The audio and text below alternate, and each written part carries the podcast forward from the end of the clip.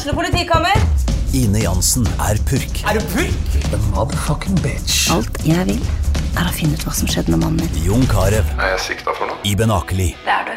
Ole So, Lars Berrum og Big Daddy Karsten. Hvem sin side er du på, egentlig? Anette Hoff, Tone Danielsen, Kommer du fra Afrika? Jørnis Josef, Nesten. Kløfta. Trond Espen Seim, Det er synd å si det, men det var feil mann som døde. Purk. Premiere tirsdag på TV2 Play. SA-podden presenteres av Fleksi. Regnskap med et smil.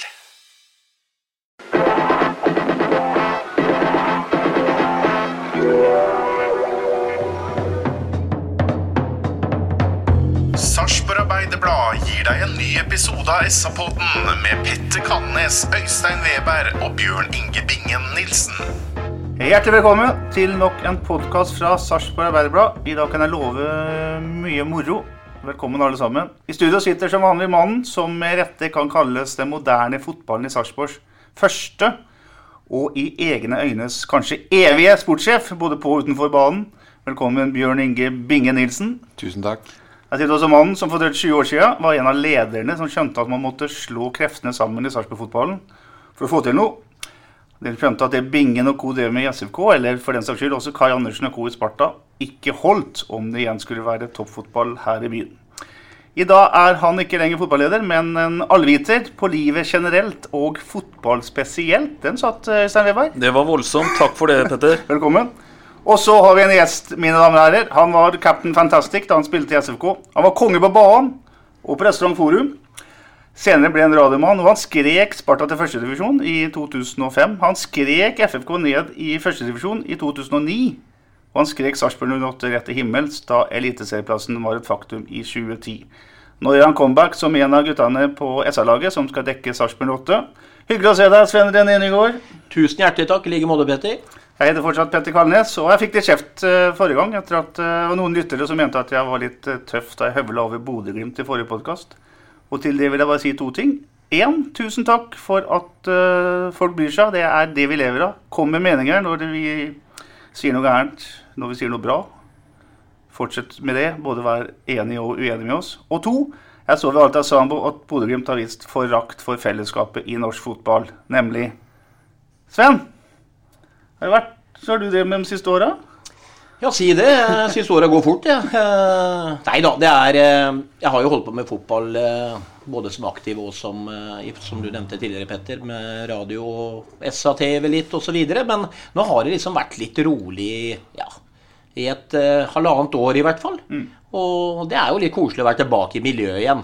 For det er klart at jeg Jeg lever og ånder for fotball både på, si, på dagtid og på kveldstid. Tenker mye fotball. Tenker ekstremt mye på det, egentlig. Så det er klart det blir veldig deilig å kunne komme i gang igjen nå. Og så får vi bare håpe da, at det blir en minneverdig sesong, sånn som det ikke har vært de siste par åra, syns jeg. For det er for en som er så glad i 08 som meg, så har jeg hatt noen forferdelige stunder. og Spesielt den kampen mot Lillestrøm på Åråsen, husker jeg. Da hadde jeg heldigvis Get-boksen, så jeg kunne sette deg på pause. Så kampen min mot Lillestrøm var ferdig to timer etter at jeg reiste til lå der. Da kunne jeg juble. Det gjorde ikke vi, Øystein, for vi kommenterte den live. Det var en påkjennelse. Ja, det var en påkjenning, og jeg skjønner, skjønner hva Sven snakker om her. Vi hadde ikke noe mulighet til å sette kampen på pause, og det var høy puls, og det var veldig mye som sto på spill. Og så har vi jo den sesongen i fjor fristet min i tillegg, og da var vi jo igjen veldig utsatt. Så vi får håpe vi går bedre tider i møte. I det året har jo også Bingen lovt at han ikke skal være så optimist, men uh, du slet med det litt før påske, Bjørn Inge. Du likte det du så på stadion? Jeg gjorde det, og derfor syns jeg det var utrolig tråkig at den pausa som har kommet nå, som en trodde kanskje skulle vare et par uker, har blitt nå både, kanskje både Jeg vet ikke hvor langt vi har kommet, ja, men det er jo fort seks uker siden uh, de trena på stadion den mandagen. Uh, det måtte vært den 14., kanskje, februar. og da syns jeg det så helt nydelig lovende ut. Og det hadde vært eh, tre internkamper, hvis ikke jeg husker feil. og det var, en, det var ti mot ti, og så ble det elleve mot elleve i to kamper. Og det ble drakter i de to siste, og det ble utmarsj, og du følte at du, du så konturene av noe. Men eh, det som har skjedd i mellomtida, det har ikke jeg mye kontroll på. Så nå har jeg liksom blanda følelser på hva som eh, venter oss inn mot seriestart. Men det er ikke tvil om at jeg var veldig optimistisk før det ble nedstengning. Hva tenker du Sven, om de avbrekka de har fått her nå i oppkjøringa? Altså, det, et, det, det legges jo et løp fra, fra dette er Sarpsborg 8s tilfelle nå 20.1 fram til seriestart. Og så har den blitt stoppa flere ganger. Man må tenke på nytt. Man har uh, gjort om på treninga. Nå har man trent i grupper på fem og fem de siste ukene. Hva gjør dette med, med oppkjøringa av den fysiske formen, f.eks.? For Nei, altså, det, det, her er jo så profesjonelle gutter at den fysiske formen den bør de kunne klare å opprettholde. Eh, tviler ikke på at Ole Jørgen eh, og gutta de, de løper nok eh, meterne sine. Mm. Så i forhold til ork og diverse ting, så tror jeg ikke det er noe problem. Men det er klart at det for et lag som Sarpsborg 08, da, som eh, er en av de klubbene i Norge som vel har eh, Fotball er ferskvare som uh, merkevare. Altså, det, det, forsvinner mye, det kommer mye. Man skal uh, kjøre i gang et fotballag, man skal ha relasjoner. Og spesielt da i den siste perioden hvor man da altså ikke på en måte i hele tatt kan uh, spille med en elver. Man kan ikke være mange i kohorten. Det må jo være helt frustrerende. Uh, men den fysiske formuesskatt den, den, er jeg ikke bekymra for. For der vet jeg at 08 ligger helt i norgestoppen hele tida. Og, og, og, det er blitt bevist. Men, men de, de, får jo ikke noe samhandling, de får jo ikke noe lagfølelse osv. Garderoben Det er så mye småting som en gammel fotballspiller husker. Mm. Det sosiale ved siden av. Skulle, jeg og Bingen og Øystein Weberg vært en kohort oppe i lysløypa alene? Det kunne blitt koselig, det. Men uh, det er ikke det samme som å gå til garderoben. Ja, det hadde ikke blitt noe særlig fotballag ut av det? Nei, uh, det er vel bevisst i ettertid. Men uh, Men for å følge opp den, eh, følge opp den litt, eh, Sven. For hvis, hvis, alt egentlig går på skinner nå, så, så, er det antagelig fire ganger å øve seg før, eh, før første seriekamp. Altså fire treningskamper. Hvis vi, hvis vi, tenker at det her er det fort både 17, 18, 19 og 20 mennesker som, som har en, i hvert fall indre, et indre håp om å kunne lukte på en startelveplass, hva skal en gjøre i forhold til dette? For, for, det blir jo ikke veldig mye rom for prøving og feiling. Eh, han må vel gå veldig mye på det han på magefølelse også kanskje føler er en førsteelver tidlig? Ja, Det må jo gå på det lille han har sett da, eh, i disse her internkampene bl.a. osv. Og så går det selvfølgelig på han vet hva han har, men han vet ikke hva han har fått ennå. Så det, det, kan nok være at det blir litt trygghet å begynne med for han, de gutta som er igjen, som han vet hva går for. Eh, de vil vel kanskje også kanskje ligge litt lenger fram i løypa nå, vil jeg tro. Det er klart Når det kommer en Vik, noen av de gutta som nesten ikke har fått vist seg fram på stor bane, så det er klart at man, man vet mye mindre om de gutta enn om andre. Og så er det vel sikkert sånn at Jeg vet ikke hvordan det funker i treningshverdagen i dag, men de har sikkert fått noen programmer, eh, kanskje de har fått noe dataopplegg eh, i forhold til man, De vet jo hvordan man ønsker å spille, og hvordan løpa skal være, bevegelse skal være.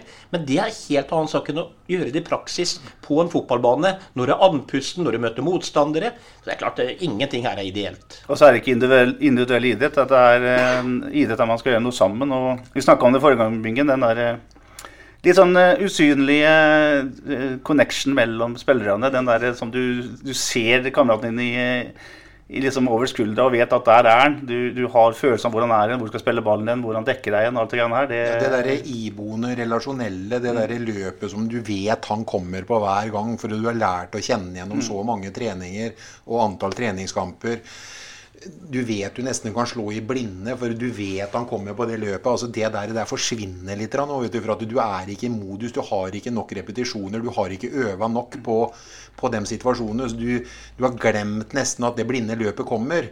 og hvis ikke du skal få lov til Derfor er jeg litt overraska faktisk, hvis det, at Thomas Berntsen er sitert riktig i Sarpsborg Arbeiderblad over at han var så keen på å komme i gang nesten uansett mm. til eh, den eh, helga rundt den 9. mai da seriestart, De snakker om at seriestart skal komme i gang nå. At han var så tent på at vi skulle kjøre i gang den da koste hva det koste ville. Sånn øh, opplevde jeg nesten hva jeg leste i, i Sarpsborg Arbeiderblad at det skulle være. Og det kan aldri bli, bli, bra, tror jeg nå. Du kan ta veldig mye på liksom å det blir nesten som du kjørte Du så det nødlandslaget som eh, ikke hadde det. Du kan, du kan ta én kamp, en åpningskamp på, på, det, hvor du har eh, en enorm iver, og du har den derre løpskraften, og du har det adrenalinet i kroppen at du skal ut og gjøre det. Men hvis du skal plutselig spille fem kamper på to uker, så tror jeg du er helt avhengig av, av det relasjonelle. Da. Mm. da er situasjonen den at uh, per nå så er det da 08, Stabæk, Godset, Mjøndalen og Lillesand som ikke får til å trene. Ingen får spille kamper, men eh, fredag er det sagt at Abid Raja, kulturministeren, skal komme med et eh, endelig svar på om han får spille treningskamper allerede til helga. Og Da er det så snakk om at 08 skal ha Stabæk i utgangspunktet da på, på søndag. Men det forutsetter jo Øystein, at det blir trening eh, kanskje allerede fra jeg, da tirsdag eller i morgen onsdag. Ja, og jeg, jeg, håper det kommer noen raske endringer her. Jeg sitter egentlig med en følelse av at det kommer til å gjøre det òg. For jeg tror at uh, en ser nå at uh, det er noen urimeligheter ute og går her. Jeg er ikke like bekymra for, for en seriestart den helga som Bingen gir uttrykk for nå. For, for nå ble jo også oppsetterbingen endra. Så vi møter jo egentlig folk som har akkurat like vanskelige vilkår som oss sjøl. Mm. Og vi møter Mjøndalen hjemme i serieåpninga. Eh, jeg syns vi må være så tøffe i trynet at vi sier at uh, Mjøndalen hjemme, som har hatt de samme forutsetningene for oss, det er et lag vi skal slå. Uh, uavhengig av inngangen mm. til det her. Og da har på en måte en unnagjort den første serierunda, og da er vi jo plutselig på den 17. mai-helga, 15.-16. mai mm. som, som, neste. Det kommer vel noen midtukekamper der osv. Men ideelt er det ikke, som Sven er inne på. Det blir for få, det blir for få eh, kall det felles eh, repetisjoner. Men vi får spille med de korta vi har fått utdelt nå. Mjøndalen er jo en av de klubbene som har kommet med en henvendelse til Fotballforbundet om å utsette seriestarten. Eh, Stabæk, Godset, Mjøndalen, Lillestrøm, Haugesund og Sandefjord har skrevet under et, et felles henvendelse. Er det ikke det litt defensivt av Bingen? At de liksom vil utsette seriestarten og på den måten da viser at vi kanskje ikke er helt klare for dette her? Eller er det fornuftig? Jeg, eh, for meg så hadde det ikke gjort noe om at alle kunne fått litt likere premisser og kommet til fellestrening og fått garderobekulturen eller den lagkulturen og kjent litt på kameratskapet igjen før man tar til med, med seriekamper få den der treningskampen i bena. For treneren vil det være enklere å se flere eventuelt i noen posisjoner. Husk på, nå har de ikke spilla siden før midten av februar. En eneste in det var internkamp. Mm. De har ikke fått trene uh, 20 mann på trening uh, siden, uh, ja, siden seks uker tilbake. Så jeg håper, hvis det lar seg gjøre i forhold, i forhold til terminlista, at man kan utsette det f.eks. til 1.6, så syns jeg det, i forhold til de laga nå som har vært eh, så skadeskutt i forhold til eh, treningssamhandling som 08 og Mjøndalen og Strømsgods og osv. har vært. Det er fem-seks lag, er det ikke det? Mm, mm. Så syns jeg det at det hadde vært en eh, fordel for guttene at dem òg kunne fått For dem laga å komme til, i flytsonen inn mot en eventuelt fe, felles serieåpning ca. rundt 1.6, hvis det hadde latt seg gjøre. Vi snakker om det sportslige, Sven, men du nevnte i stad garderoben. Eh, forklar for eh, den av lytterne som eventuelt ikke har vært i en fotballgarderobe, hva som er så spesielt med det. Hva er det for noe med det miljøet der som, som man tar med seg ut på banen? da? Eh, og da tenker jeg det vi opplevde, uansett hvilket nivå man spilte på. Klart, på, på, på, Fra min tid og Bingens tid og sånt, så hadde vi vel, eh, for å si det rett ut, enda røffere miljø, vil jeg tro. Det er klart det er jo ingen hemmelighet at jeg og Bingen var skal vi kalle oss halvprofesjonelle Bingen, eller? Når de er helprofesjonelle i dag. det, det, det, vi var jo ikke i nærheten. Vi, vi hadde jo før i tiden, det er ikke noe, det er bare å være ærlig på det. Det var jo å ha med seg to bager på bortekamper. Ferdig med det. Mm. Det ene var fotballstøvler, og det var alkohol. Mm. Så var det full fart hjem. Da husker jeg hadde noen lagkamerater som turla litt i stengene i bussen. og noen måtte vi stoppe for å ta bilnøkkelen og kjøre hjem på kvelden. og sånne ting. Så vi, vi hadde en ekstrem morsom eh, ja, Du gleda deg til å komme i garderoben. Jeg personlig mener at jeg var der nesten først hver gang. Mm. Og jeg var sist hjem. Ja. Eh, det var fordi at jeg elska miljøet. Vi kunne ha noen eh, som man kaller gråviser, man kunne le litt av hverandre, man kunne snakke om ting man ikke fikk snakka om ellers. Så det var et samhold som var helt ekstremt. Og jeg tror det at til sånne ting drar du også med deg ut på banen. For du går i krigen for hverandre når du har et så godt miljø, og du er så gode kamerater både på trening, utafor banen, i garderoben, så blir det en, en enhet ut av det. og det kan kanskje være et litt større problem for noen i dag. For jeg tenker at man trener veldig mye. Man trener kanskje to ganger om dagen noen ganger. Man kan ikke gjøre som Nygaard gjorde før i tida. Da kommer klokka seks, begynte å trene sju, ferdig å trene ni, satt klokka ti. De har ting hjemme å ta hensyn til osv. Så, videre, så jeg tror den blir kanskje litt mindre benytta nå eh, enn det det var før i tida. Men samtidig så ser jeg jo det og hører jo det. Alle 08-spillere sier jo bestandig det, altså nye som kommer til klubben vår. Det er en fantastisk klubb. Det er flotte mennesker. De er flinke til å ta vare på hverandre både i garderobe og utafor. Men, men, men den, er, den, var noe av det viktigste for, for, meg, i hvert fall, denne garderoben. For det gjorde mitt, mitt til at fotballen var ekstra moro. Men Bingen, er dette her overførbart? Altså, Se bort fra bag nummer to med øl, ja, den eksisterer ikke lenger. Men eh, er det fortsatt sånn i den profesjonelle eh, råtøffe fotballen at det som skjer i garderoben, er viktig for det som også skjer på banen? Det vet jeg jo ikke, for jeg har jo ikke vært der. Men jeg, jeg er i hvert fall helt enig med Sven i det han sier ifra da vi vokste opp i SFK, at du skal, aldri, du, du, du, skal i hvert fall ikke undervurdere det, det den garderobekulturen gjorde med samholdet både på og utafor banen. Det var liksom sånn, det var jo, Du gikk jo på en måte gjennom ild og vann for hverandre. Vi var jo kamerater på og utafor. Og nå er det jo ikke sånn selvfølgelig i profesjonell fotball, tror jeg. Det er vel sikkert noen som henger litt mer med hverandre enn andre. Men uh, jeg kan liksom ikke si noe om hvordan dem har det nå. Da må du nesten hente Joakim mm. Thomassen og Ole Jørgen til å få svare på det. Men uh, de har nok en fin grei, dem òg, men det blir nok aldri på det samme sosiale nivå, vil jeg tro, som det var når du var halvprofesjonell. Da. Nei, men miljøet på en arbeidsplass er viktig om man spiller fotball eller eh, driver med tall eller hva man driver med? Jeg tror ikke det går ut på dato. Jeg tror det er akkurat like viktig som den tida han eh, Sven beskriver. Selv om det han Sven beskriver, er jo like etter andre verdenskrig. Så, men, men, i dag driver de jo toppidrett. Men jeg tror at det som går på trivsel og miljø og alt det greiene der, det tror jeg egentlig er like viktig som det alltid har vært. Vi skal love at vi skal få lurt fram noen flere historier fra de glade glade 80-tall Sven, etterpå.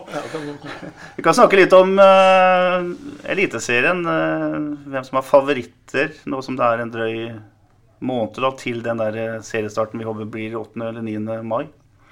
I Adresseavisa så er det en kommentator som heter Birger Løfaldi, som har ment at det at Rosenborg blir omtalt som en gullkandidat, det er uh, veldig feil. For Hareide har ikke vært der lenge nok. Joakim Jonsson reagerer på det.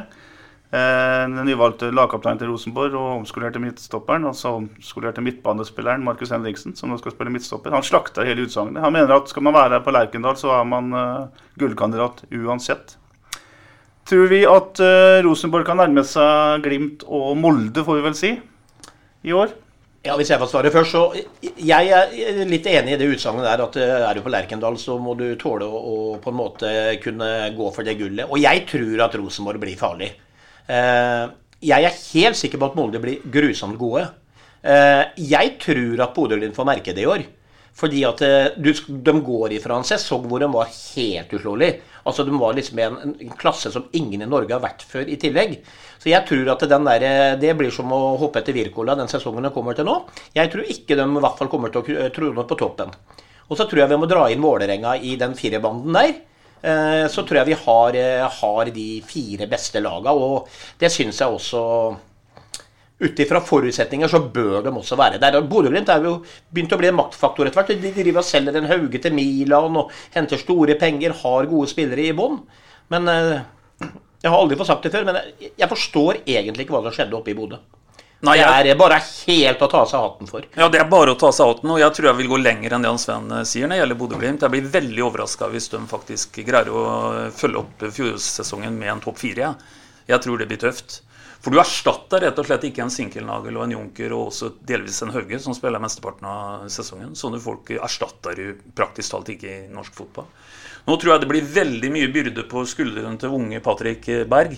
Eh, han er god, og han kommer til å bli enda bedre. Eh, han syns jeg er en av dem som faktisk debuterte med litt bravur eh, nå sist på landslaget. Men, men, jeg tror det blir helt utrolig vanskelig for dem å, å, å så, så, når du stiller spørsmål om for å sette Bodø-Glimt opp mot Rosenborg, da, så blir jeg veldig veldig overraska hvis ikke Rosenborg havner over Bodø-Glimt på tabellen nå i 2021. Men Jeg syns Molde har sett fantastisk ut i, i Europaligaen, Bjørn Inge. Og en utrolig bredde i en spillerstad som var jo helt sinnssykt bred i fjor, da, som har blitt enda bedre. Ja. Og de mater jo på med spillere, og de har jo egentlig Hvis du sier at du har eh, elleve spillere pluss eh, plus eh, tre-fire stykken som kan være jevnbyrdige til å komme inn på et lag, så kan du vel si at Molde fort er oppe i 20 mann, dem som du kan rullere et lag på uten at du ser at de blir noe spesielt svekka av det. Så jeg syns Jeg syns Molde, det jeg opplevde av dem da i eh, Europaligaen og i, i vinter, så syns jeg dem ser eh, veldig sterke ut. Bare å gå tilbake til det forrige spørsmålet, egentlig. Er, for nå Ingen begynner å prate om hvor sterk stall Molde har, og hvor mange gode spillere de har. Det er jo liksom også det litt av nøtta da, i forhold til det å utsette og utsette og utsette. Fordi at det får man, Hvor senere seriestart man får, hvor flere kamper må man spille hver uke. Og det er en belastning så det holder. Så er, har du noen klubber som har 20-22 like gode mann på høyt nivå, mens klubber med mindre ressurser begynner å få de skadene. Og kommer til å få et kjempeproblem. Og tape mange poeng på det. Så det er, det er mye med den utsettinga. Det er ikke bare at ikke man har samkjørt, men klubber kommer til å få rævkjørt stallen sin, for å si det Både, sånn. både kort og skader, Svein. Ja. eh, Ja, de kan få det, som, som Sven sier. Nå var jo egentlig Bodø-Glimt i fjor et eksempel på eh, det motsatte også der. Det var jo en virkelig unntakssesong for Bodø-Glimt. For da starta vi opp eh, noen dager før 1.7, og de spilte vel omtrent med den samme elveren. Brukte knapt om 15 spillere. Ja, ut sesongen. Men det er klart at det, det er ikke det normale. Det normale er at det vil bli slitasje, som Sven sier, i forhold til det. Og det kommer kort, og det kommer karantener. Men, men det som jeg syns på en måte er litt spennende, det er jo også eh, eventuelt tenke litt hvem er det som i år er laget som kommer til å gå litt under radaren? For det er alltid et eller annet lag som kommer til å gå litt under radaren. Vi har sjøl tatt bronse et år. Eh, Bodø-Glimt gikk jo definitivt under radaren, selv om de tok sølv året før. I hvert fall i forhold til det de presterte. Og du har jo hatt uh, lag som uh, vestlandslag her, eh, som eh, Haugesund og, og, Kristiansund. og Kristiansund, som også har levert bedre enn uh, en jeg tippa på forhånd. Så, så det skal bli spennende å se hvem som byr på en overraskelse. For det er nå engang sånn at det laget som med litt flyt, og med kanskje til og med litt tur, kommer i gang med å få en liten sånn poengrekke til å begynne med. Det kommer til å eh, gi seg utslag videre utover i sesongen. Så kommer et lag veldig godt i gang her, så tror jeg at det kommer til å gjenspeile tabellen til slutt. Både foran 19- og 20-sesongen så har vi snakka mye om Sarpsborg 08. Høvde Høvd seg litt opp på vinteren. Eh, I år har det ikke vært så mye skriving naturlig nok, for det har ikke vært så noen kamper ennå. Men Sarpsborg 08 er definitivt styrka. Kan Sarpsborg 08 rett og slett være det laget Øystein snakker om? Den går litt under radaren og Ja, plutselig er jeg, jeg, jeg ble veldig entusiastisk av hva jeg så på stadion de fem-seks ukene før det ble, ble stengt ned. Hadde den der flowen der sånn fortsatt med trening eh, flere ganger i uka fram mot seriestart, og vi hadde fått en helt normal oppkjøring for 08 som de fleste klubbene har nå, så hadde jeg aldri vært i tvil om å lansere 08 som et lag som definitivt kunne gå under la, eh, radaren. Berntsen har vært så til de grader på, på jobb i, i vinter, og det har du sett allerede eh, på trening med, med ikke alle, men med spillere. Og jeg må jo bare si at det jeg, det jeg ser i f.eks. en eh, og nå, åh, Jeg var så ille inn, inn i navnet òg, men uh, Haugesund-stopperen, signeringen, uh, franskmann Karemboko. Fantastisk vet du hvordan han egentlig Og vi ser Kone som spiss. altså Jeg nesten fryser nedover ryggen når jeg snakker om dem. altså Hvorfor eh, Haugesund eh, kan folk stille seg spørsmål om sender av gårde to sanne, og hvorfor har de ikke slått det der og der? Men det jeg har sett av Kone, f.eks., hvis ikke det skal bli en solid forsterkning på spissplass for 08, så skjønner jeg ingenting. Og jeg sier igjen, det er akkurat som jeg var og så Frankfurt for 30 år siden snart, da Tony Eboa og Jørn spilte på topp i Eintracht. Og det var som å se Tony Eboa look-alike. Så han er han, han går sånn. Han har venstreben som en, og han har kropp som Tony Eboa. Og han er en så pondus i fysikken og i avslutningsegenskapene på, på Kone. Så jeg blir veldig overraska egentlig over at 08 har klart å ha to sånne spillere i troppen sin som de har klart å erobre i Kone og Karemboko. Og Fardal Opseth er ikke noe, han har ikke sveisen til Jørn Andersen, Øystein, men eh, vi så litt av eh, samarbeidet mellom dem to i en eh, internkamp her. Ja, han eh, virka ikke minst som en eh, hva skal vi kalle det, en veldig sånn fotballklok eh, spiller. Eh, Jeg tror det kanskje er eh, noe av, eh, av hans, eh, hans eh, virkelige forse. Så det skal bli spennende å se han i et eventuelt eh, tospann på topp, hvis det er det som blir en valgte formasjon, eller hva det blir.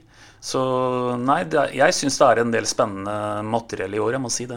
Merker nå at det har vært så lenge borte fra deg at vi nesten drar opp folk som vi har glemt har kommet til klubben. Det er, eh, det er trist at det er sånn i oppkjøringa, men eh, det Da- lille uansett, du har sett, si- hva tenker du? Jo, jeg skulle til å si det. Jeg holdt på å si det i stad. Jeg tror nemlig at 08 er det laget i år.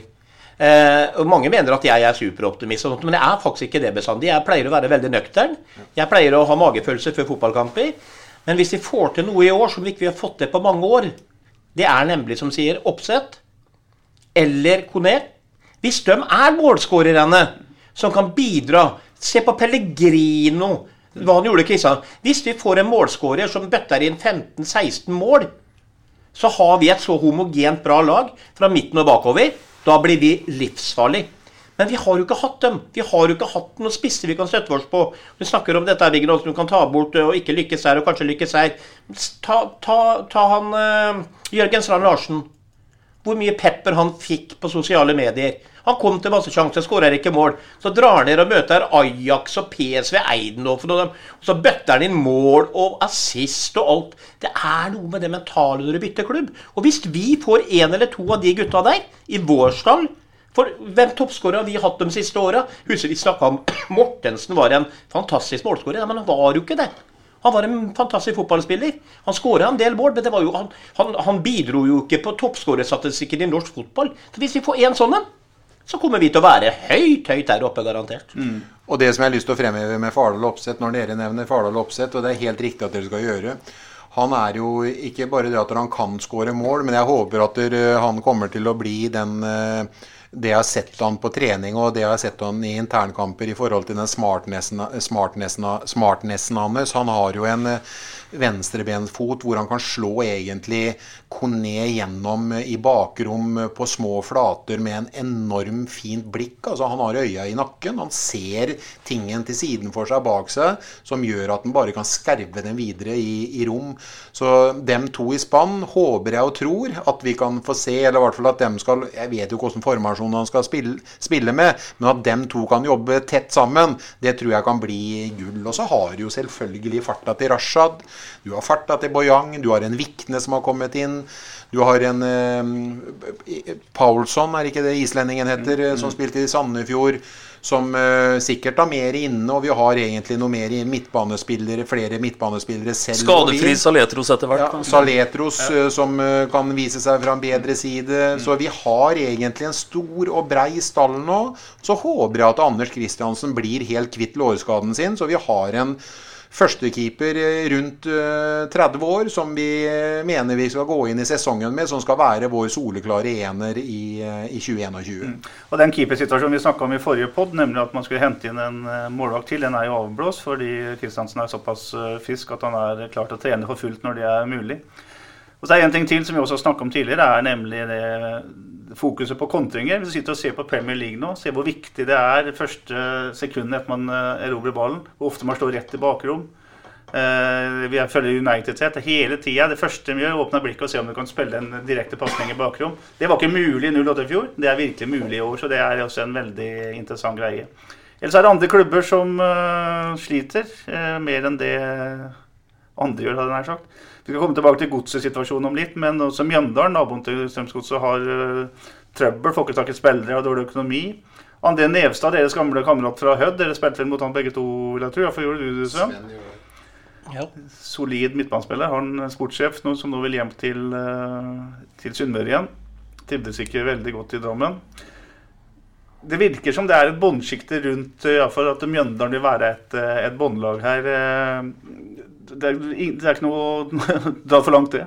Nei, og de, de får jo et lite PR-stunt ut av at Gauseth, etter å ha takka med, med, litt tårer i øya for, for alle som har backa han, og hvor flott uh, ting var i Mjøndalen, så snur han rundt, og så tar han et år til. Eh, men det er klart at det å signere en Gauseth som da går fra å være 36 til å bli 37 i den perioden der, det er jo ikke noe kvalitetsstempel. Det er ikke noe fart over Gauseth lenger. Han er en klok fotballspiller, men, men jeg tror ikke det er eh, en sånn veldig dristig spådom å si at eh, Mjøndalen kommer til å slite nedi der. Men det som er et faktum, altså vi sier, vi sier Mjøndalen, og så sier vi de fem lagene som du nevnte i stad. Eh, Rosenborg, Molde, Bodø-Glimt og Vålerenga. Det er ikke mer enn fire. Og så har vi mange lag som, man, som er veldig vanskelig å plassere, deriblant Sarpsborg 08, syns jeg. Eh, det midtsjiktet i norsk fotball er ganske interessant, og det er ganske bra. Jevnt, jevn, god eliteserie. Men det er litt som Sven var inne på. eh, Hvis vi nå greier oss å få noen som produserer noe framover på banen, og kanskje som Bingen var inne på, at vi kan få en eh, Anders Kristiansen som kan ikke bare ta det vi forventer, men kanskje også til og med kan ta noe litt utover det. Eh, Da, da, gir det veldig mye poeng i løpet av en sesong. Altså Har du en matchvinner i begge ender av banen, så, så vil det være uhyre viktig. Og det går an å håpe på. Det er absolutt mulig å håpe på det. Eh, De som skal slå fast allerede nå at det er ikke mulig, det, det er prega for eh, defensivt utgangspunkt. Så det går an å håpe på at det blir produsert i begge ender. Og da, da er jeg enig med Sven at da, da går det an å være litt eh, høy og mørk og si at vi skal være på den øverste halvdelen. Ja, Petter sa det jo egentlig i stad veldig godt. fordi at det, det som er forskjellen på 08 nå, sånn som jeg ser det, det er at det, ja, først og fremst, hvis vi får disse to gutta til å produsere mål, da, eh, så får vi noe som vi ikke har hatt på mange år. Noen du kan eh, ut av ingenting, vanskelig bortekamp, det er 1-1, og så skårer han på den ene sjansen han fikk. ikke sant? Og da, Klarer de gutta å få inn de måla tidlig i sesongen, så er jo det spisser trenger. Alt handler om selvtillit. Og da går det stolpe inn neste gang. Og Det var akkurat det motsatte som skjedde med Jørgen Strand Larsen. Men så sier jo Petter dette her at vi, vi har jo så mange formasjoner vi kan spille nå.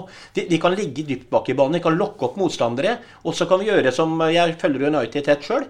Og det, er jo fantastisk å se. Det ene målet borte på Granada til United. Der slår altså Lindeløf fra egen 16-meter til en Rashford på vei gjennom som legger ned ballen og skårer mål. Fotball er ikke vanskelig egentlig, men du må ha den rette løpet, du må ha den rette pasningen. Og så må du selvfølgelig ha farta. Og det har vi jo plutselig på laget nå. Så nå har vi en mulighet på bortekamper. Arrestere motstandere på rent tempo. Så har du gode fotballspillere generelt, og så er jeg veldig nysgjerrig på denne Paulson. Fordi jeg syns vi, vi savner en Ja, unnskyld uttrykket fra min tid så hadde vi noen spillere, jeg var kanskje en av dem sjøl, som var en drittsekk utpå der. Gå nå og la de her andre få litt juling. Ligge og pipe og bøy deg ned over dem og be dem komme seg opp igjen. Skape litt sånne ting. Det er kanskje noe med kunstgressfotballen å gjøre. jeg vet ikke, Du ser jo nesten ikke sklitakling lenger. Du må ha noen som sier ifra. Noen som bestemmer der ute. Og som sier til de andre spillerne hold deg unna meg, hold deg unna kameraten min. Og her vet du, Petter, her vet Sven hva han snakker om. Det gjør han. Og, men det han også vet, er at dette går aldri av mote, som du pleier å si. Det uttrykket der er godt. For altså det å ha, en pain in the ass utpå der med deg, et sånn type som du hater å ha mot deg, men elsker å ha med deg, det er gull verdt for alle fotballag. Og så en tilleggsdimensjon som vi også har snakka om noen ganger. Eh, I og med at vi etter hvert vil antagelig da, bli kjent for et lag som har fart på topp, så, så legger du begrensninger i den eh, taktiske eh, mulighetene til en motstander. For, for sånn som vi har fremstått de siste to åra, så har det vært mulig å komme til Sarpsborg stadion og tenke at her skal vi stå både høyt og litt av hvert, og kanskje til og med ta, ta, ta et initiativ og ta kommandoen. Eh, Det blir noe annet hvis du møter et lag som eh, du blir livredd for å gi for mye bakrom. Da, da har du fjerna noen av de taktiske mulighetene til motstanderlaget i tillegg. Men allikevel avhengig av smartness, Bjørn Ingo. I den, eh, de TV-programmene vi lager på Mikael Stare, så er han opptatt av eh, manglende smartness på siste tredjedelen. Altså det å slå den der stikkeren, den der forløsende pasningen. For uansett hvor mye fart du har, Øystein, når uh, Mjøndalen kommer til Sarpsborg stadion, så kommer de til å legge seg på 30 meter fra mål og, og ligge bakpå. Har, har du fått inn den i laget, Bjørn Inge? Den uh, bokseåpneren? Ja, ja, det, tro, det, ja det, det er jeg ganske sikker på.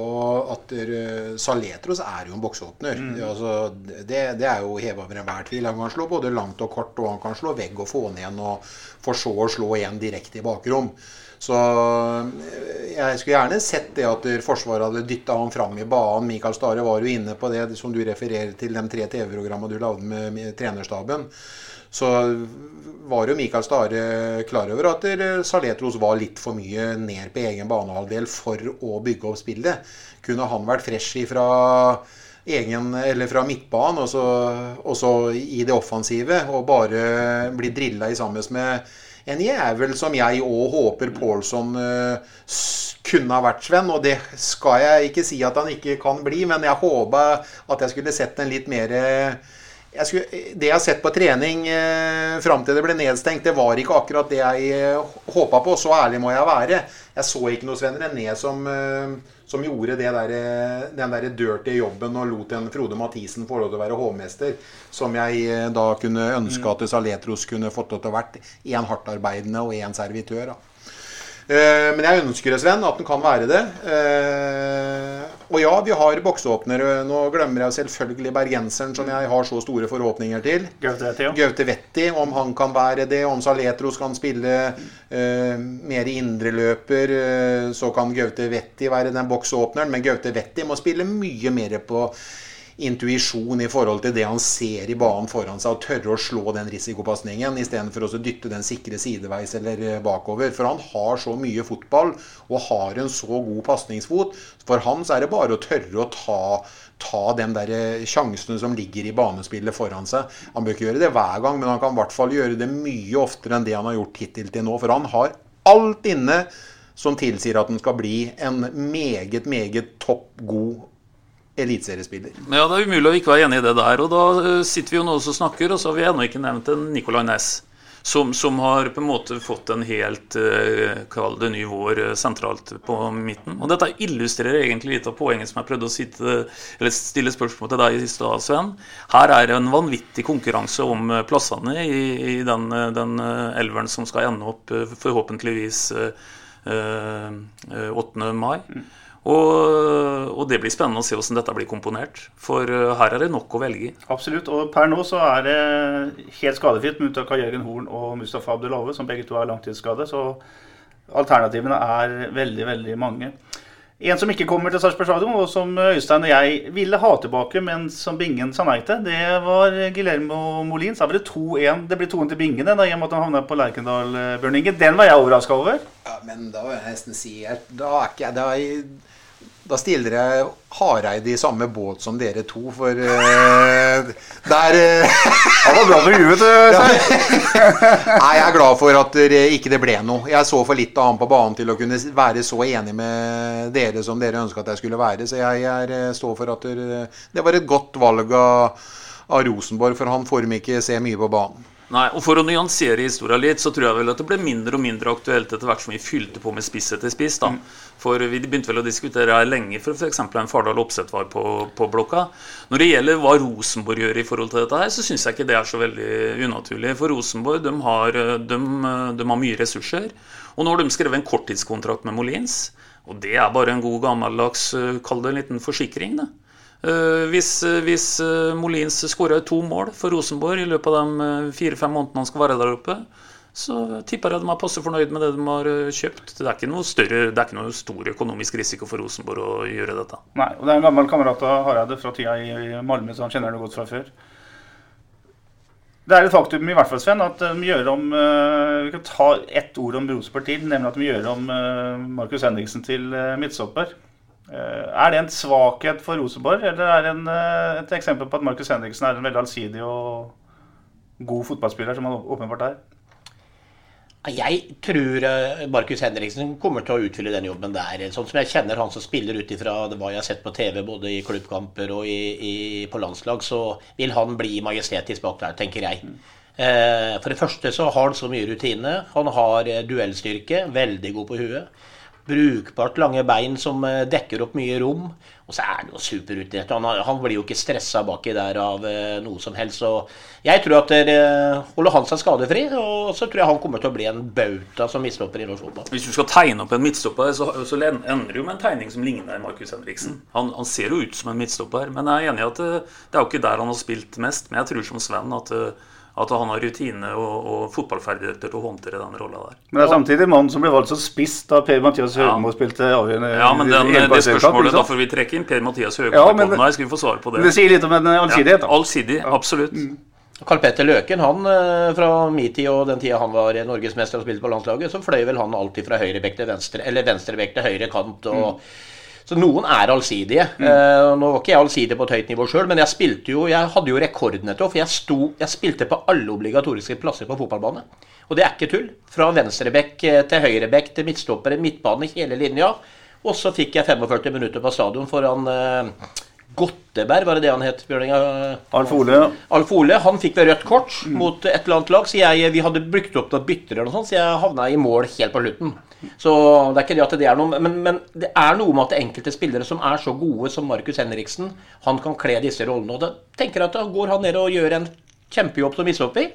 Så frigjør en plass til en enda bedre yngre, kanskje oppi i midtbaneleddet, så har en på en måte forsterka litt, jeg tenker jeg. Mm. Men han blir løpt fra når Ibrahima Kone kommer i bakgrunnsbringen, ikke sant? Ja, jeg, eh, jeg eh, tviler ikke på at Markus Henriksen er en uh, brukbar fotballspiller, men jeg òg tror det, Petter, at uh, du kan jo ta, snakke om midtstoppere. Du vet åssen det er å spille midtstopper med litt for, litt, litt for, litt, litt for dårlig fart. Oh. Ja, men det er Det er Det vet alle, Torbjørn. Petter? Det er eneste jeg ikke fløy fra det, jo. Jeg holdt deg. For øvrig så skal jo, Så skal jo han Sven være glad for at han ikke var permanent med i keeperteamet til SFK. For da hadde han antagelig vært i team med, med, med Bingen. Og jeg vet ikke, alle husker vel Bingen bl.a. skulle varme opp Kenneth Ringsrud. Han ga jo ikke én redning under oppvarming. Hanskene hadde jo ikke vært borti ballen. Så, så der, der, hadde du ikke møtt noen lagspiller. vet du. Så, så. Nei da, nei da, det, det, holdt jo ikke med det du sa der, Øystein. For i tillegg, så etter at uh, Kenneth hadde sluppet inn noen baller i samme kampen, så gikk jo, gikk jo Bingen bort til treneren og sa at uh, Herregud, gutten min, du må ikke ødelegge karrieren hennes. så nå må du sette meg inn. Og etter det så spilte jo Binge resten av sesongen. Hva er det jeg sa, med sa den evige sportssjef? Hva er det jeg sa? Om Binge, Evig sportssjef. Ja. Han, eh, han, har på en måte han har, Det er makt i hans ord, da, for å si det sånn. Beklager, Kenneth. det er glemt. Det var i gamle dager. Eh, gutta, vi kan ikke snakke om eh, norsk fotball i dag uten å gå inn på et veldig alvorlig tema. og Vi skal ikke gå veldig inn i det, men eh, det som har skjedd i Strømsgodset de siste dagene, eh, er eh, ikke noe hyggelig. Det dukka opp en rasismesak som altså endte med at treneren Henrik Pedersen, dansken, har blitt løst fra kontrakta. Det er sånn at Håkon Vibelund og Bjørn Petter Ingebrigtsen, to gamle parkamerater, har tatt over midlertidig. Samtidig har Jostein Flo gitt seg som sportssjef, men han skal fortsette som konsulent og rådgiver i klubben. Vi vet ikke nok om selve rasismesaken til å gå inn på den, men jeg tenker, gutter når en så vanskelig sak dukker opp i en fotballklubb, en varslingssak, er disse klubbene Øystein, rusta for å håndtere dette her på en ordentlig profesjonell måte? Det må i hvert fall da ha skjedd veldig mye på veien. Og nå, jeg, nå tøyser jeg ikke for temaet for alvorlig til å tøyse med, men det må ha skjedd noe på veien fra den tida Sven og Bingen spilla i SFK på 90-tallet og fram til da. Eller det du kjenner av Borg fotball, kanskje? Ja, for, for, for, dette her er jo relativt uh, nye ting. Mm. Og, og, selv i det profesjonelle næringslivet så har jo de tatt store steg de siste åra i forhold til det som heter varslingsinstitutt og sånne ting som det.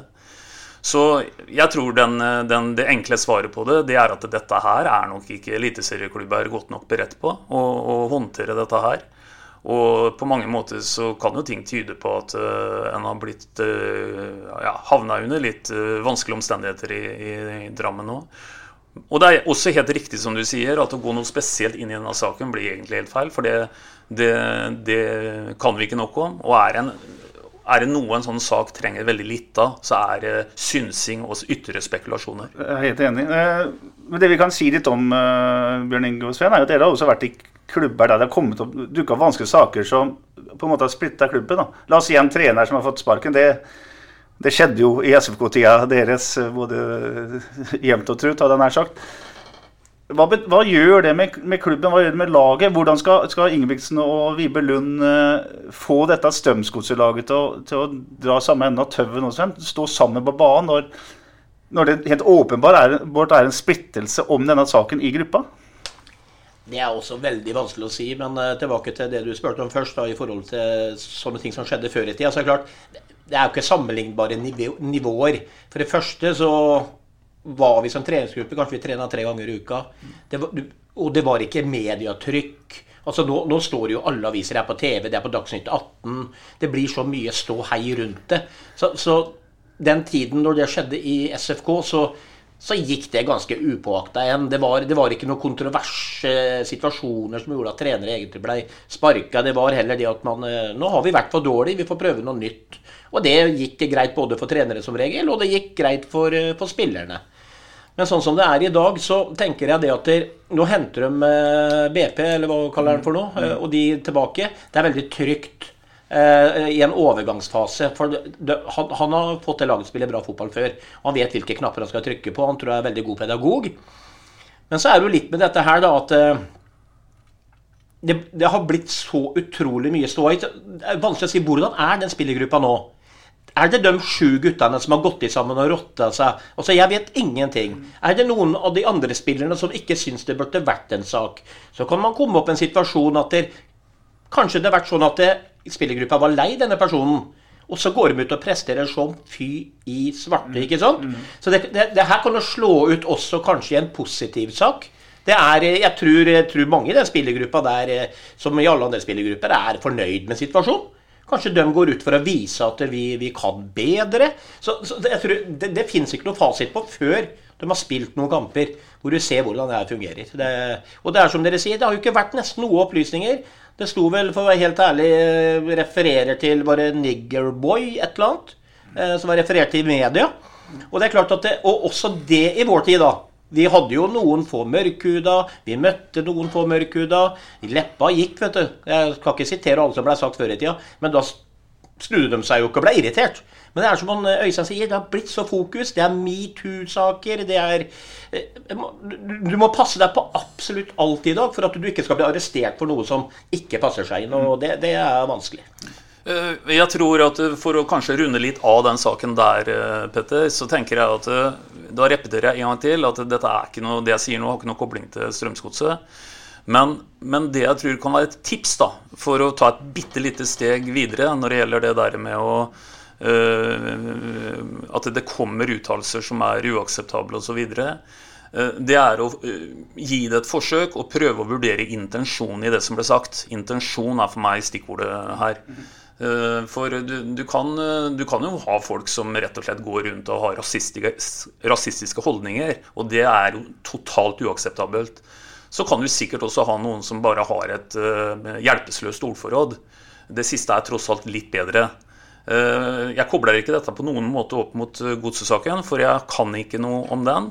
Men, men det, at, det at mottakeren av et budskap i hvert fall tar seg bryderi og vurderer intensjon, det tror jeg ikke skader noen. Nei, det er jeg enig med deg. Veldig godt sagt. Det samme er det faktum at du kan se eh, Det skal bli interessant å følge Henrik Pedersens uh, trenerkarriere videre. Uh, han har til evig og alltid nå en rasismesak hengende over seg. Han uh, søker på jobb i en dansk klubb, og man googler Henrik Pedersen, så kommer det opp som nummer én på internett. Eh, uavhengig av den saken som vi ikke vet noen ting om, så vil det følge han videre. Og det skal bli interessant å se hvordan La oss si fotballen takler akkurat det, da, når eh, såpass lite eh, fakta naturlig nok er på bordet. Det er så fort gjort å si det. Jeg husker første gang jeg ble ordentlig bevisst på det. Og det var første gang jeg Og jeg tenkte aldri det var noe feil å si noe. Og jeg skal si akkurat hva jeg sa. Jeg husker det så veldig godt. Vi er på La Manga med 08, og det er første året. Jeg tror Conny er eh, trener, og Emanuel Amar, ung gutt. Førstereisgutt den gangen. Og så er det sånn at det er jo kamper klokka tre på La Manga, og det er kamper klokka seks.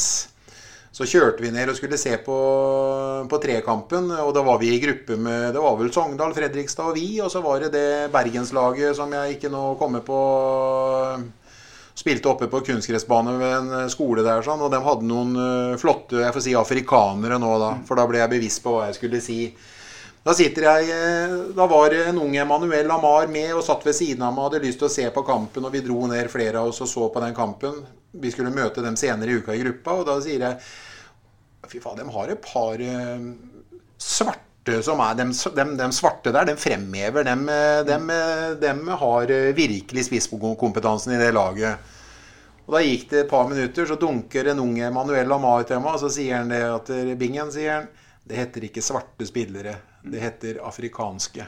Og det er første gang jeg på en måte fikk en litt sånn, sånn tankevekker på hva han skulle si, og hva han skulle passe seg for å si. Og da ble jeg egentlig bevisst på at man skulle da si afrikanere. Og det sier jeg fortsatt. Men det er klart at det kunne glippe ut av deg tingen hvor du overhodet ikke mener noe med det som blir sagt, og det blir tatt ut av kontekst. At man kan se Men i svarte faen, altså mener du ikke noe vondt med det? Det er jo en reaksjon, og det er jo ikke sikkert at spilleren er eh, mørkhuda engang, som du, du sier det til. Så det er fort gjort å komme, komme på glattisen. Eh, Og jeg vet ikke hva Henrik Pedersen har sagt, og det har vært så lite som har kommet fram. eh, Men det var alvorlig nok til å miste jobben, i hvert fall. Det du altså, i hvert fall, kan være enige om, er at det er bra at det er satt fokus på dette her. Og det er også satt fokus på andre deler av eh, vi si, mobbing, eh, diskriminering i, eh, i, fotballen. Og senest i dag så leser vi om at eh, Tottenham-spilleren eh, Son Hong-min har fått masse rasistiske eh, slengbevirkninger på internett eh, i sosiale medier etter helgas uh, kamp mot Manchester United. Og det er jo trist at det skal være sånn i 2021. Vi hopper videre. Mye å snakke om i dag. Vi skal snakke om noe vi har prata om tidligere. Øystein, denne berømmelige nye tolkninga av offside-regelen. Og der eh, hadde iallfall du sterke meninger på lørdag ettermiddag når vi satt og så på Liverpool på hver vår eh, skjerm. Ja, der var jo en helt eh, spesiell situasjon. Jeg vet ikke om dere så den, gutter. Men, men da er jo VAR inne i bildet igjen på en, på en situasjon som blir tegna og forklart. Med, nå gikk det ikke bare i, i, rette linjer, det gikk både loddrett og vertikalt. Og det var jo en finanalyse som endte opp i at jeg ikke kunne se egentlig for meg Hadde vært på travspråket, så var det dødt løp mellom, mellom to eh, hester. Men, men, da ble det sagt at det ble målt fra der drakta slutta på overarmen. Det var det punktet mm. som det ble målt fra. Uh, nå må det liksom Jeg tenker også litt ryddes opp. For, for fotball er, og spesielt internasjonalt, så er jo det en milliardindustri. Uh, en kan jo tenke seg, Jeg, jeg går ikke rundt og er noen Liverpool-supporter, men en kan jo godt tenke seg at et annullert mål der det kan være forskjellen på å spille Champions League og ikke spille Champions League. Så, så vi snakker om så enorme konsekvenser at det må bli tatt riktige avgjørelser. Det er den ene siden av det. Den andre siden av det er naturligvis at dette begynner å ta fryktelig mye tid. Og det er jo sånn når vi ser en internasjonal kamp, at du, du begynner snart å få en vane som går i retning av at du, du, jubler jo ikke eller er skuffa i forhold til en scoring, for du forventer nesten alltid at han skal VAR-sjekkes først. Så, så, det er noen eh, sider ved det. Jeg er for så vidt tilhenger av at hvis du kan ta uh, offside uh, med teknologi, så, så, er for så vidt jeg tilhenger av at 5 cm eller 50 cm ikke spiller noen rolle. Da er det offside åkkesom. Men, men nå var det liksom en tilleggsdimensjon hvor jeg begynte å lure på hvor skal du sette målestreken på personen hen. For vi tok jo en liten avsjekk med vår felles venn Patrick Walter Larsen. og han, han har jo noen dommervenner, og han mener vel at det skal måles på, på, på den legemscellen som er lengst fram, og som det er lovlig å skåre mål med. Mm. Det begynner å bli noen litt sånn uh, så, så, en arm rett ut, da. da skal du ikke ta hånda der. Men, men, nå ble det altså brukt begrepet 'der drakta slutta på overarmen', men jeg har aldri hørt det vært sagt heller. Nei. Så det begynner å bli relativt komplisert, det her. Ja, og så er det jo veldig interessant, for I gamle dager så spilte vi jo bare med lange drakter, så hvor går den genseilen? Ja, da, liksom? da, kunne jo ikke det begrepet vært der. Nei, det blir bare overkroppsstart nå med noe på ryggen. ja. Eh, Sven, du er fotballmann. Syns du VAR er i ferd med å ødelegge dette her? Det har jeg sagt eh, lenge, Petter. Jeg syns VAR eh, er i ferd med å ødelegge. Eh, Bl.a. det som han Øystein er innpå her. sånn at Du ser fotballspillere skåre målet nå, så tør de ikke å sette jubelen løs. De var usikre på om det kommer noe sjekk ikke sant, og alt dette her. Og så er jeg helt enig. Jeg så den kampen, Øystein, og jeg så ut som egentlig streken Jeg trodde først at han tok fra albuen plutselig, ja da, og ned. Men det kan kanskje stemme så lenge drakta går ned der. Og når du skal begynne å måle hvor draktene er og sånn de må finne på et eller annet her som gjør at der, dommerne må få lov til å gjøre litt feil, tenker jeg. Altså en offside før så var du på lidje, så fikk du målet godkjent. Nå er det altså millimeteravgjørelser på hver eneste sånn situasjon. Og dagens fotballspiller på det nivået har en bakre firer som dytter ut tidsnok som regel. De har motgående løp på det offensive. Det er så små marginer hele tiden at det vil komme masse sånne situasjoner. Og så tenker jeg var Altså, Ta Neymar. Altså, hvis han Bingen hadde feia til han nede på høyrebekken der, sånn, ruller han herfra til Halden. Mm. Og Filbar, og så får du sett på at Bingen har ikke truffet inn engang. Altså, de får gå fri. De jukser og jukser. De, de, kunne fått gult og røde kort. Det er bedre å ta en del sånne utenomsportslige ting og stygge situasjoner og målteknologi, og så finne et eller annet rundt denne offside-regelen som blir mer ryddig, hvor spillerne også kan forholde seg litt. For Hensen har de gått litt tilbake på. Du ser mange dommere i England nå godtar at du blir truffet. Mm. Før så var det sånn Har du handa ute, så er det straffe. Altså Sala mot uh, Tottenham i den her Champions League-finalen. Tottenham-spilleren står inne i boksen med armen litt ute. Han treffer jo den ti av ti ganger. Sala kan bare vippe den opp i armen på en straffe. Så, så, Det er jo liksom helt håpløst. Og Så ber de om at spillerne skal ha armen innat kroppen for at det ikke skal bli straffe. Hvem er det som flyr? Jeg fløy iallfall aldri med hendene innat kroppen da jeg spilte fotball. Så alt er så unaturlig, og det er så mye spørsmålstegn. Så VAR har blitt det pine in my ass, eller hva de sier. Ja, og så er det jo sånn at som du sier med linjeoffside før i tida, så var jo det en eh, Vi snakka mye før i tida, forresten, men det var i hvert fall, da kom det alltid det angripende laget til gode. Ja. Nå går jo alle situasjoner i, eh, i Forsvarets favør. Ja, så tenker jeg at når jeg sitter hjemme på lørdagskveldene og, tar meg en eh, glass med B-vitaminer og spiser peanøtter, så trenger ikke jeg noe sånn der rektangulære streker og linjer og sånn. Ja, så det, det, blir, det, det tar fram mye av gleden. Ja, og nå ble det jo faktisk så vitenskapelig små marginer at selv om det høres latterlig ut, så er det faktisk grunn til å tro at en som hadde tatt på seg litt større drakt, han blir fri, Eller han blir eh, han, eh, Altså, det vil prege hva som skjer i den situasjonen. Det, da er vi jo på hoppsport, da, med, med hoppdresser. For øvrig, gutter, så hette det laget som Emanuel Amar og jeg så på Løvham. Ja. Ja. Bra, Binge. Har du googla, eller? Hvis vi, hvis vi fortsetter med Fortsetter med det som skjedde i helga i og VAR og engelsk fotball, så er det i hvert fall helt klart at VAR har ikke klart å ta de juksemakerne som du snakker om, dem som filmer. Eh, og før dere tror at jeg bare skal snakke om eh, Tottenham-spilleren som filma ved Uniteds første og annullerte mål i går, så skal jeg ikke si det. fordi i går så, så vi både Song Hang-min, vi så Bruno Fernandes, vi så Marcus Rashford. De er jo døden nær etter en eh, forholdsvis liten takling. Den der fingeren som eh, Son Hong-min får i ansiktet fra Scott McTominay, det kan da ikke gjøre vondt. Eh, det som forundrer meg veldig med den situasjonen der, er at hvis man blåser fris, frispark på, så er det for at han slår til igjen. Han har hatt gult kort fra før. Skal du ha gult kort til, da? Han skal være utvist. Ja, ja. Scott McTominay. Ja. Men hvordan skal man få fotballspillere til å slutte å filme? Ja, det- som jeg bare først kan svare på, det var jo at dette her var egentlig nybrottsarbeid for VAR, dette her også, For det han gjorde med den situasjonen, det var jo at han trakk en mange trekk tilbake. Dommerne reagerte jo ikke på det i kampens eh, hete. Og det er jo ikke det neste trekket det skåres på. Jeg tror denne situasjonen du beskriver, er fire trekk før målet. Og da begynner, jo, da begynner jo VAR å bli ganske komplisert. Hvis du ikke bare skal ta helt vitale skåringssituasjoner, men du skal begynne også å trekke spillesekvensen lenger tid tilbake.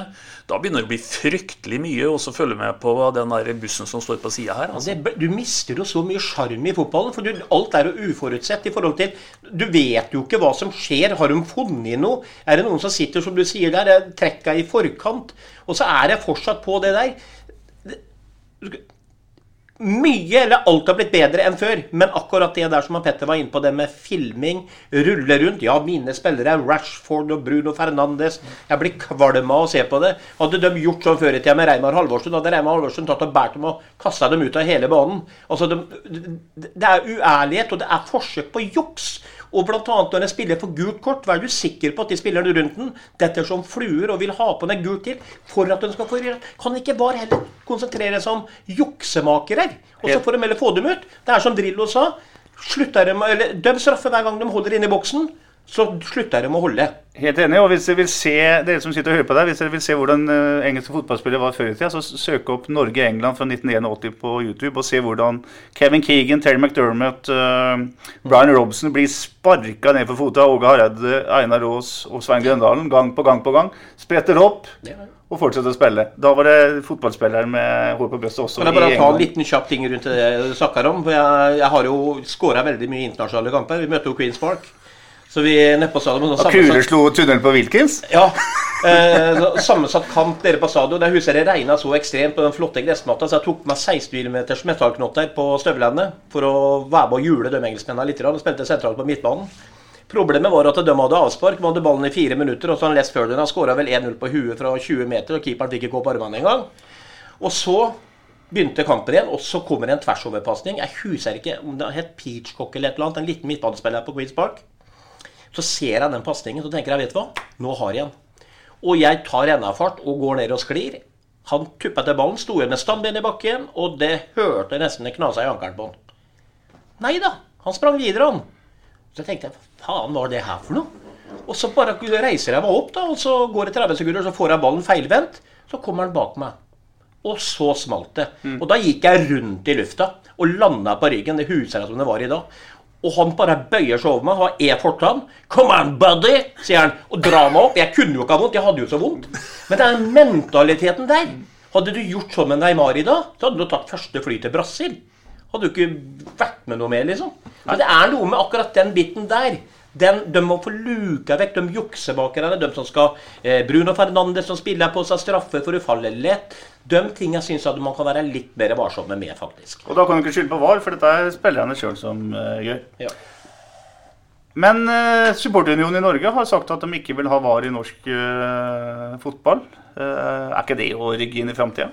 Det er antagelig også å rygge inn i framtida og ville ha noe annet enn internasjonal fotball. Det tror jeg på sånn generelt grunnlag en kan si. Men, men det er noen, det er noen grensesnitt her som er litt viktig å diskutere. Hva skal en bruke VAR på, hva skal en ikke bruke VAR på? En kan jo tenke seg at det kommer til å gå et grensesnitt i forhold til på hvor høyt nivå eh, i hvilket land eh, det spilles fotball, og det er eliten som har det, og ikke det andre, osv. Så, videre. så det utvikler seg hele tida en todeling i forhold til det. Og det er i hvert fall verdt å ta en diskusjon om det. Altså, nå, nå, har, man gjort fotballspillet enda mer komplisert enn det faktisk er. Så nå syns jeg at det er greit. Når man prøver å finne en eh, en gyllen middelvei der man kombinerer VAR med de gamle, gode fotballdommerne av kjøtt og blod. Apropos kjøtt og blod, Sven. Jeg skal litt tilbake til din historie som radiokommentator. Og da har jeg ett uh, veldig artig minne. Det var på Skagerrak Arena i Skien i 2004 eller noe, tenker jeg. Sparta mot uh, Odd 2 en mandagskveld. Det var du og jeg, og så var det fire, fem, seks eh, supporterråd. Og så var det da to lag, selvfølgelig. Jeg var ikke fullsatt, nei. Nei, Men eh, du kommenterte eh, for Radio 3. Alle hørte hva du sa hele tiden. Inkludert han du hele tida omtalte som den overbetalte og fete midtbanespilleren Morten Fevang. Det var litt artig å være radioreporter når spillerne liksom snur seg opp og ser på deg. Hva pokker er det du kaller meg, liksom? Det var ikke bare der, det. Du kan godt si at det var artig, men, eh, men jeg, jeg syns det var mer gøy å sitte på Lerkendal i boksen til Wirkola og sånn, for jeg fikk faktisk låne den av han en gang. Mm. Men det er sant, det. Det var eh, på det nivået der den gangen eh, med Sparta, da, så, så blei det jo mye sånne kamper. Jeg har Det var ah, Hva heter den klubben, da? Det var ikke Løvanbingen, men det var en annen Kron... Gamle Hva heter den? Kronborg stadion oppe i Bergen. Fyllingen? Ja, Jeg husker ikke hvem det var der, men i hvert fall så hadde de sånn lang eh, sak du kunne stå og kommentere på. Så jeg måtte stå, og TV 2 sto ute og filma på enden. Men jeg blei jo ja, jeg var engasjert, i hvert fall. Eh. Så jeg sto og hoppa og spratt der litt, så hele filmkameraet eh, sto jo så bildene gikk og ned på sendinga. Og så hadde vi den, men det var faktisk mot Løvanbingen, tror jeg. For det var Kjetil Berge spilte. Det var, Han takka meg litt etter kampen fordi at jeg sto oppå ei svei bu og kommenterte, og det var jo ikke folk der. Så da hørte alle meg hele tida, som du sier. Så da ble det mye roping. 'Pass deg bak ryggen, Kjetil.' og sånt. Da, følte jeg spilte PlayStation. Så jeg kunne liksom, på, liksom oppi lufta fortelle hvor løpet kom hen. Så Nei da, men det, men det, var mer gøy å kommentere på litt fasjonable stadion. Men, eh, men, det hører med til historien, og det, det er masse sjarmerende øyeblikk. og Jeg kunne sikkert sittet her i tre timer og fortalt mye rart. Det, og, og, du skal jo snart i gang og kommentere bredde i distriktet nå, eh, Sven. Så du er glad i fotball på alle nivåer, du? Ja da. Det er klart når Haflund møter Isa og sånn til elvederby nede på Haflundbanen her, så skjer det mye. Jeg hadde en kamp i forfjor, var det vel, hvor en uh, jeg dribla av hele Haflund, og så grøfta han som helsefyr og kom alene med keeper. Så De tingene der får du liksom ikke på dagens toppfotball. Det er faktisk veldig gøy å kommentere en del sånne kamper. Situasjon på situasjon, og du kan lage litt humor ut av det. og Det syns gutta er greit. Absolutt. Nå har vi fått uh, holdt si, lurt deg med igjen, uh, Sven. Du skal være programleder for uh, SA-TV-sendingene fra eliteseriekampene på stadion. Hva er det som gjorde at du har lyst til å si, ta på deg mikrofonen igjen? Jeg er litt sulten av det her. og på en måte, Jeg, jeg jobba jo litt for 08. Eh, og da blei det jo litt sånn intervjuer i pausa, og så blei det litt sånn på VIP-tribunen der osv. Men du får liksom ikke det, den nærheten til det sportslige som du gjør når du kan spørre en trener etter kampen da om eh, hva tenker du og hvorfor og alt dette her. Og så komme litt tettere på det igjen. For det, det er klart nå som alle andre, har jo ligget brakt, liksom. Det er altså Hele den sesongen som var, du ikke for å være tilskuer og ditt og datt. Bare å komme seg innpå igjen. Og så savner jeg jo litt dette å stå litt bak mikrofonen, for det Jeg ljuger vel ikke hvis jeg synes, sier at det er litt gøy. Mm. Så jeg gleder meg både til å kommentere og intervjue litt for ESA. Du har sett engasjementet som eh, radiokommentator, Bingen. Eh, kan du sammenligne det med engasjementet hans som fotballspiller? Du spilte jo mye sammen med ja. Ja, vet du hva, Sven og jeg vi vokste jo opp uh, på Kuland, vi. Og begynte jo å spille sammen når vi, vi er like gamle. Sven er to måneder eldre enn meg. Vi begynte å spille sammen når vi var seks år på, på Kuland. Og Sven har jo bestandig vært en sånn en, uh, Sven var jo tidlig en kapteinstype, og han ble jo kaptein eh, i mange ja, I flere år, Sven. Var du kaptein? Ni sesonger. Ni sesonger. Og ja, det engasjementet han hadde på banen, eh, og det kan overføres til den jobben han gjør som radioreporter. Sven var utrolig engasjert på banen, og han var en, eh, han var en ærlig, ærlig spiller. Og han var en spiller som ga alt for laget, og han var en lagspiller. Og så gikk han i bresjen, og så tok han noen stygge taklinger. og Sven var også en person som jeg aldri jeg har aldri sett før, verken før eller etterpå. F.eks. en, eh, en eh, Nå sitter Veberg og vinker her, så nå ble jeg satt Jeg ut tror jeg skal fikk tekstmelding på et eller annet. Ja, jeg vet ikke, men eh, jeg skal i hvert fall si det at eh, jeg har aldri sett på f.eks. trening når vi skulle ha vintertrening med, med lange løp osv., så, videre, så har jeg aldri sett en som har spydd i farta. da. Eller Liksom, Sven var en sånn en type som ga alt, så det, det betegner, eh, betegner Sven. Så ja, jeg kan nok overføre det til engasjementet hans som radioreporter. Men bare for å følge opp øh, en, øh, Når vi snakka litt om deg, Sven, og så kan du ta, ta denne historia litt videre sjøl. Men vi snakker om en Neymar, f.eks., altså juksemakere i forhold til ruller rundt herfra til Halden og, og har en ekstremt lav smerteterskel. Du hadde en, en betydelig høyere smerteterskel, det vet alle vi som gikk og så på deg spilte fotball før. Men du dro det vel nesten til det ekstreme den gangen du var utsatt for en bilulykke. Ikke veldig mange timer før du skulle spille kamp. Nei, det var i Granskrysset, for eh, det var i 87. For det husker jeg. Eh, Og jeg er sjåfør og har jo med meg både Kenneth Ringsrød og eh, Geir Solberg i bilen. Jeg lurer på om vi skulle dra på tunebaner og sånn og se en kamp. Og så smalt det nede i Granskrysset, og det smalt ordentlig. Eh, Jeg eh, ødela i hvert fall hele rattet i brystkassa. Og høyttalerne fløy bakover, så guttene de to andre ble så skada at de spilte ikke, eh, for det var som sagt dagen før. Og jeg fikk noe teip rundt brystkassa dagen etterpå, for jeg hadde knekt tre ribben. Og det hører med til historien at jeg var vel banens dårligste. Men jeg starta kampen, og var vel Per Helias som var trener, mener jeg. Men han tok meg aldri ut, så da fullførte vi. Men det var ikke noe god opplevelse. Men det uten sammenligning for øvrig. Det er liksom det er jo blitt sånn i dag at, at klubber på, på det nivået som 08 de har jo et eh, personell som på en måte de som kjenner noe i dag, så tenker man jo overtrening og forebyggende, og da får de jo ikke lov. Men, men jeg huser jo stort sett fra den tida hvor jeg spilte i en bakre firer med Reimar Halvorsen og Jan Svendsen og Hans Vidar Bråten. Det var en konkurranse om å ikke stå over kamper. Eh, det var nesebrudd og det var småstrekker, men eh, vi var jo på et nivå så vi, vi ja, Dette går greit. Men helt til jeg husker vi spilte borte på Brumunddal. Hele Eidsvoll-turen jeg satt med Jan Svendsen. Ja, Jeg, jeg satt akkurat og tenkte på det. Ja. hvor han kommer på løp opp venstresida, og så bare fullfører han løpet. Men han fullfører bare videre, så han fløy liksom ned en sånn skråning inn i garderoben. Ingen skjønte noen Ingen ting. Han bare gikk av banen i farta. De turte jo ikke å, å sette inn en kalv sammen, for jeg lurte på om han måtte på dass eller et eller annet. Men han kom jo aldri tilbake.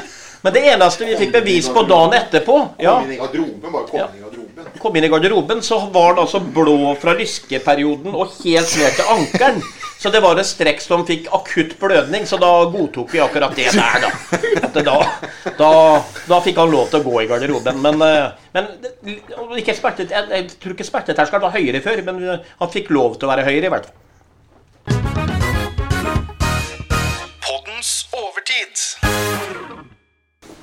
Når gode intensjoner går seg vill.